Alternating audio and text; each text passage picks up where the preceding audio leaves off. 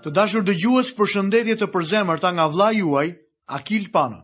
Jam shumë i gëzuar që së bashku kemi mundësinë dhe një herë të studiojmë Fjalën e Perëndisë së gjallë. Ju kujtoj që jemi duke studiuar librin e Levitikut. Në emisionin e kaluar kemi folur për dënimin me vdekje për ata që kryenin tradhti bashkëshortore Kemi parë përfundimin e ligjit të shenjtërisë, krime të caktuara që dënohen më pak nga krime të tjera dhe në fund fare kemi studiuar çështjen e shërbesës së kryepriftit. Sot studimin tonë do ta fillojmë mbi çështjen e përjashtimeve nga funksioni i priftit. Vargjet e mëposhtme rendisin disa përjashtime nga funksioni i priftit. Këtu përfshiheshin ata persona që ishin të verbër, të çalë, me fytyrë të përçudnuar, gjymtyrë të deformuara, thyerje këmbe ose dore, deformime apo të meta të tjera. Do ta fillojmë sot leximin në fjalën e Perëndisë tek libri i Levitikut, kapitulli 21, nga vargjet gjashtëmbëdhjetë deri në vargun e njëzet e një. Zoti i foli akoma Mojsiut duke i thënë, Foli Aronit dhe i thuaj, në brezat e ardhshëm asnjë burrë nga fisi yt që ka ndonjë gjymtim, nuk do të mund të afrohet për të ofruar bukën e Perëndisë së tij, sepse asnjë njeri që ka ndonjë gjymtim nuk do të mund të afrohet as i verbëri, as i çali, as ai që ka një fytyrë të përçudnuar, ose ka një gjymtyrë të deformuar, një thyerje të këmbës apo të dorës. As gungaçi, as shkurtabiqi, as ai që ka një njollë në sy apo një ekzemë ose zgjebën apo herdhe të shtypura. Asnjë burrë nga fisi i priftit të Aronit që ka ndonjë gjymtim nuk do të afrohet për t'i ofruar flijimet e bëra me zjarr Zotit. Ai që ka një gjymtim, të mos i afrohet për të ofruar bukën e Perëndisë së tij. Pse duhet të ishte kjo? Jo vetëm që asnjë sakrificë nuk duhej ofruar pa të meta, por edhe personi që do të ofronte sakrificën duhet të ishte i patëmetë. Të dyja këto sakrifica dhe ofruesi përfaqësojnë Krishtin. Dhe në të nuk kishte asnjë të metë, as në punën e tij dhe as në personin e tij. Krishti ishte kryeprifti i përsosur. Tek ai nuk ka asnjë të metë, por përkundrazi, bukuri, lavdi dhe shkëlqim. Lexojmë më poshtë vargjet 22 deri në vargun e 23. Ai do të mund të hajë bukën e Perëndisë së tij, gjëra shumë të shenjta dhe gjëra të shenjta. Nuk do t'i afrohet velit, as edhe altarit, sepse ka një gjymtim, Nuk do t'i përdhosë vendet e mia të shenjta, sepse unë jam Zoti që i shenjtëroj. Edhe pse ata që kishin të meta ndaloheshin t'i shërbenin Zotit, nuk ishin të përjashtuar nga tryeza e tij. Perëndia siguronte për ta. Kjo gjë është në kontrast me trajtimin që bota pagane u bën njerëzve të gjymtuar sot. Këtu jepet një mësim shpirtëror shumë i rëndësishëm për ne. Ka shumë besimtarë sot që janë të sëmurë mendorë ose fizikë, moralë, etikë ose shpirtërorë. Kjo do t'i përjashtojë ata nga disa forma shërbese, por gjithsesi janë shenjtorët e vërtetë të Zotit që kanë të gjitha të drejtat dhe privilegjet e të qenurit besimtarë në çdo aspekt. Kur studioja për shërbesën, i jepja mësim një djali të ri në shkollën e së dielës. Në atë kohë, ai ishte në shkollë të mesme. Ishte një atlet i shkëlqyer, por kishte një çarje të qiellzës që i pengonte të folurën. Erdhi tek unë një ditë dhe më tha se do të donte që të ishte shërbyes në kishë. Çfarë do t'i thoni ju një djali të tillë? U përpoqja t'i shpjegoja se edhe pse ishte pa dyshim një atlet i shkëlqyer, në të folur kishte pak problem. i sugjerova që të gjente diçka tjetër për të punuar në punën e krishterë, patjetër, që të mos kërkonte të folurën publike. E kam ndjekur këtë njeri për vite të tëra. Ai u bë lojtar futbolli në një kolegj. Ndikimi i tij tek të tjerët për Krishtin ishte më i madh se ç'mund të kishte qenë nëse do të ishte bërë shërbyes. Njerëzit mësuan ta admironin këtë njeri si një atlet, dhe me të folurën e tij, ai do t'u tregonte këtyre njerëzve për Zotin Jezu Krisht dhe do të ndikonte shumë në jetën e tyre. Këtu kemi përfunduar studimin tonë mbi kapitullin e 21 të Levitikut dhe menjëherë do të fillojmë studimin tonë mbi kapitullin e 22. Tema e kapitullit të 22 është Ndotja e priftërinjve nga sëmundjet, ushqimi dhe të vdekurit. Dallimi i ofertave të sjella nga njerëzit. Le të shohim çështjen e parë. Lexojmë në kapitullin e 22 të librit të Levitikut vargun e parë dhe të dytë. Zoti i foli akoma Moisiut duke i thënë: Folu Aaronit dhe bijve të tij që të heqin dorë nga gjërat e shenjta që më janë shenjtëruar nga bijtë e Izraelit dhe të mos përdhosin emrin tim të shenjtë. Unë jam Zoti. Duhet të ekzistonte një ndarje e gjërave të shenjta nga ato jo të shenjta. Aaroni nuk duhet t'i merrte gjërat e tabernakullit me vete në shtëpinë e tij. Mësimi për ne është se nuk duhet t'i trajtojmë gjërat e shenjta të Zotit sikur ato të ishin gjëra të rëndomta. Lexojmë vargun e 3. U thuaj atyre, cilido burrë i fisit tuaj që në brezat e ardhshme do t'u afrohet në gjendje papastërtie, gjërave të shenjta që bijtë e Izraelit ia kanë shenjtëruar Zotit, do të shfarroset nga prania ime. Unë jam Zoti. Prifti nuk duhet ta kryente detyrën e tij në mënyrë të shkujdesur dhe pa vëmendje. Nëse do të vepronte kështu, do të largohej nga priftëria. Besoj se kjo gjë ka një zbatim shpirtëror edhe për besimtarët e sotëm. Apostulli Paul në letrën e parë drejtuar Korintasve, kapitulli 11, vargjet 31 dhe 32 na tregon: Sepse po të shqyrtonim veten tonë, nuk do të gjykoheshim, po kur gjykohemi, ndreqemi nga Zoti që të mos dënohemi së bashku me botën. Perëndia vazhdon të numërojë të gjitha mënyrat e papastërtisë të cilat do të përjashtonin një prift nga mbartja e detyrave të tija priftërore. Le të lexojmë së bashku te kapitulli 22 i Levitikut, vargjet 4 deri në vargun e 9. Asnjë burrë nga fisi i Aaronit i sëmurë nga lebra ose me fluks nuk do të hajë gjëra të shenjta derisa të bëhet i pastër. Gjithashtu ai që prek çfarëdo gjëje që është bërë e papastër nga kontakti me një kufomë, apo ai që ka pasur një lëshim fare, ose ai që ka prekur një zvarranik që e ka bërë të papastër, ose një njeri që i ka komunikuar një papastërti të çfarëdo lloji, personi që ka prekur këto gjëra do të jetë i papastër deri në mbrëmje, dhe nuk ka për të ngrënë gjëra të shenjta para se të ketë larë trupin e tij me ujë. Mbas perëndimit të diellit, do të jetë i pastër dhe do të mund të hajë gjëra të shenjta sepse janë ushqimi i tij. Prifti nuk do të hajë mish kafshe të ngordhur në mënyrë të natyrshme apo të shqyer për të mos u bërë i papastër. Unë jam Zoti. Priftërinjtë do të respektojnë pra atë që kam urdhëruar, përndryshe do të mbajnë dënimin e mëkatit të tyre dhe do të vdesin sepse kanë përdhosur gjërat e shenjta. Unë jam Zoti që i shenjtëroj.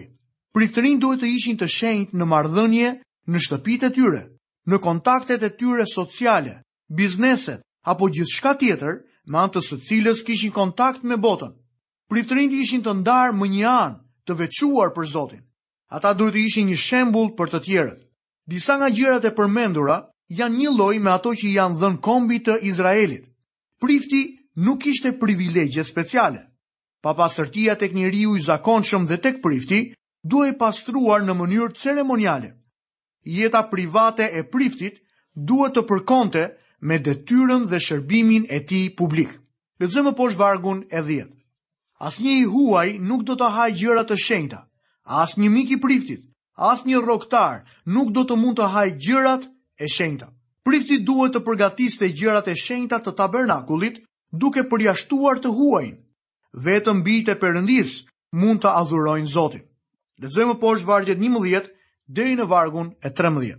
Por në rast se prifti blen një person me paratë e tij, ky do të mund të hajë nga ky ushqim, ashtu si edhe ata që kanë lindur në shtëpinë e tij. Këta mund të hanë nga ushqimi i tij. Bija e priftit që është martuar me një të huaj nuk do të hajë gjëra të shenjta të ofruara për ngritje. Por në qoftë se bija e priftit ka mbetur e ve, apo është ndarë nga burri dhe nuk ka fëmijë dhe është kthyer të rrijë me të atin, ashtu siç kur ishte e re, do të mund të hajë nga buka e atit të saj, po asnjë i huaj nuk do ta hajë atë. Këto vargje vazhdojnë të shpjegojnë se vetëm ata që i përkisnin priftit që kishin lindur në shtëpinë e tij mund të hanin nga mishi i tij. Në rast se vajza e priftit martohej me një pagan, ajo nuk mund të hante nga gjërat e shenjta. Nëse ishte e ve apo e divorcuar dhe kthehej në shtëpinë e babait të saj, mund të hante mishin e tij. Djali ose vajza plangprishëse mund të kthehet në shtëpi dhe të jetë e mirëpritur. Lexojmë vargjet 14 deri në vargun e 16. Në qoftë se dikush ha gabimisht një gjë të shenjtë, do t'i japë priftit gjënë e shenjtë duke i shtuar një të pestën. Priftërinjtë nuk do të përdhosin pra gjërat e shenjta të bijve të Izraelit që ata i ofrojnë Zotit për ngritje, dhe nuk do të bëjnë që ata të mbajnë dënimin e mëkatit për të cilin do të bëheshin fajtorë duke ngrënë gjërat e tyre të shenjta, sepse unë, Zoti, i shenjtëroj. Padituria e ligjit nuk të jepte asnjë justifikim. Njeriu që hante nga gjërat e shenjta gabimisht ishte fajtor. Prej tij pritej një farë gjobe. Kjo vendoste gjithashtu edhe një përgjegjësi mbi priftin për të ruajtur vendin e shenjtë. Bota jobesimtare e merr përshtypjen e kishës nga anëtarët e saj. Indiferenca dhe mosrespekti zbulohej menjëherë nga jobesimtarët e jashtëm dhe sjellja dhe udhëheqja e tij drejtohej nga rrethanat. Zoti ynë Jezus tha, Mjerë bota për skandalet, sepse është nevojshëm të vijnë skandalet, por mjerë ai njeri për fajt të të cilit do të vijë skandali. Le të shohim dallimin e ofertave të sjella nga njerëzit. Lexojmë në kapitullin e 22 të Levitikut, vargjet 17 deri në vargun e 20. Zoti i foli akoma Moisiut duke i thënë: Folu Aaronit, bijve të tij dhe gjithë bijve të Izraelit dhe u thuaj atyre: Kushdo nga shtëpia e Izraelit ose nga të huajt në Izrael, që paraqet si holokaust për Zotin një ofertë për çfarëdo kushti ose çfarëdo dhurate sipas dëshirës. Për të qenë i mirëpritur, do të ofrojë një mashkull, pa të meta, të marrë nga qetë, nga dhent apo dhit. Nuk do të ofroni asgjë që ka një të metë, sepse nuk do të ishte e pëlqyer. Kjo pjesë përmban rregulla dhe udhëzime për njerëzit që sillnin ofertat e tyre. Këto rregulla duhet të zbatoheshin në mënyrë strikte nga priftërinjtë. Rregullat viheshin në zbatim nga njerëzit, por detyrimi i adresohej priftërinjve. Nuk lejohej të ofrohej asnjë ofertë me të meta, sepse oferta të çonte te Krishti. Çdo shmangje nga ky udhëzim ulte konceptin e personit të Jezu Krishtit dhe kërkesën e shenjtë të Perëndisë. Lexoj më poshtë nga vargjet njëzet e një deri në vargun e njëzet e tetë. Kur dikush i ofron Zotit një flijim falënderimi që është marrë nga kopeja apo nga tufa, qoftë për të përmbushur një kusht, qoftë si ofertë vullnetare, viktima për t'u pëlqyer duhet të jetë e përsosur, nuk duhet të ketë asnjë të metë. Nuk do t'i ofroni Zotit një viktimë të verbër, të çalë apo të gjymtuar, apo që ka ulcerë, ekzemë apo zgjebe dhe nuk do të bëni mbi altar flijime me zjarr për Zotin.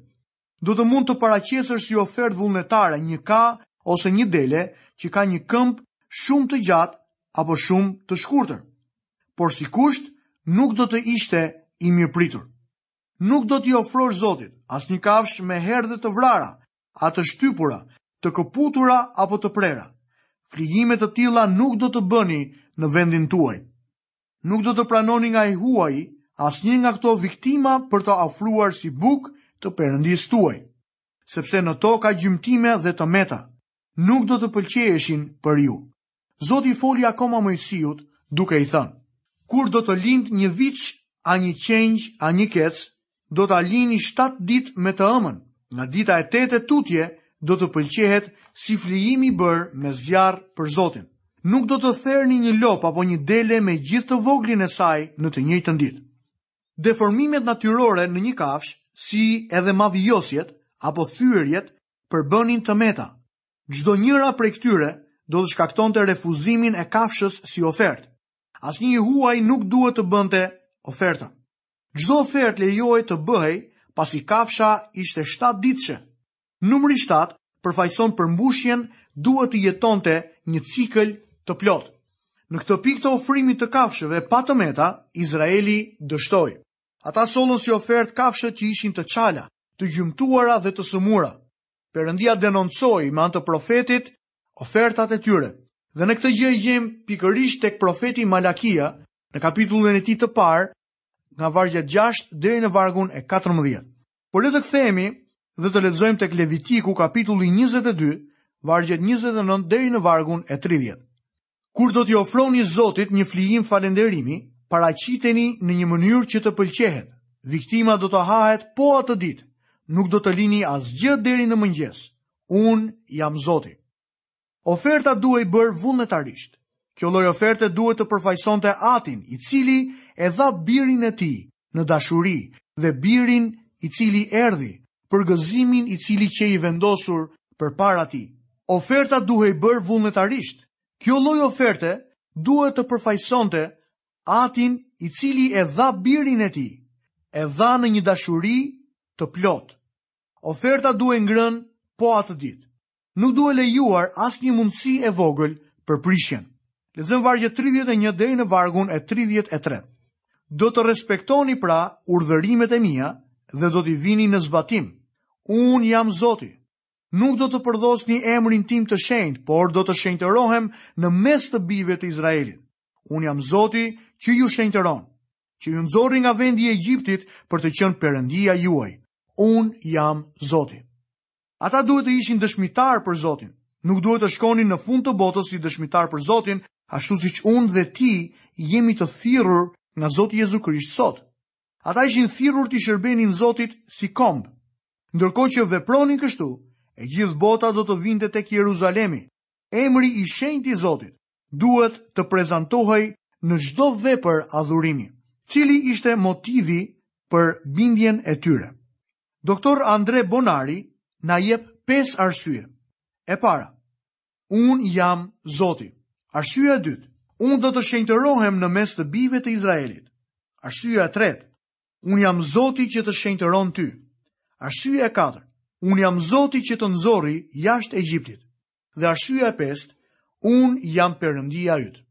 Unë jam ai që të shenjtëron ty. Sot për besimtarët ka liri, por liria nuk të jep leje për të mëkatuar. Shenjtëria dhe drejtësia e Perëndisë duhen mbajtur me zell në të gjithë adhurimin tonë. Unë jam Zoti që të nxorra jashtë Egjiptit. Miku im, Perëndia të ka shpëtuar, Perëndia të shpëtoi me anë të hirit të tij. Ai nuk shpëtoi me idenë e punës së saktë proporcionale prej teje. Atëherë nuk do të kishe qenë aspak hir. Unë nuk bie dakord me fjalët e këngës, unë dhashë jetën time për ty. Çfarë ke bërë ti për mua? Hiri i Zotit nuk kërkon pagesë. Por më lejoni t'ju bëj një pyetje. A e doni ju Perëndinë? A doni që ju t'i shërbeni atij? Gruaja nuk bën një drekë të mirë për ditëlindjen e burrit të saj, sepse e ka për detyrë. Por ajo e bën këtë drekë sepse e do burrin e saj. dhe besimtari i vërtetë don t'i shërbejë Perëndisë sepse e do Perëndinë dhe jo nga detyrimi. Unë jam Zoti që të shenjtëron, që të nxori nga vendi i Egjiptit, për të qenë Perëndia yt. A është ai Perëndia yt miku im? Nëse është, atëherë përfaqësoje atë denjësisht. Bota të lexon ty, Mbani mend poemën e vogël. Çdo ditë është shkruajtur një kapitull nga Ungjilli. Nga punët që ti bën dhe fjalët që ti thua. Njerëzit lexojnë atë çfarë ti thua e vërtetë apo jo qoftë ajo. Thuaj çfarë është Ungjilli sipas teje. Njerëzit sot nuk lexojnë Biblën. Ata të lexojnë ty edhe mua. Çfarë po lexojnë ata tek ty miku im? Të dashur dëgjues, këtu kemi mbrritur dhe në mbylljen e programit të sotëm. Nga vëllai juaj në Krishtin, Akil Pano keni të gjitha bekimet e Perëndisë dhe paqen e tij në jetën tuaj. Deri në programin e ardhshëm, bashkë mirudëgjofshim.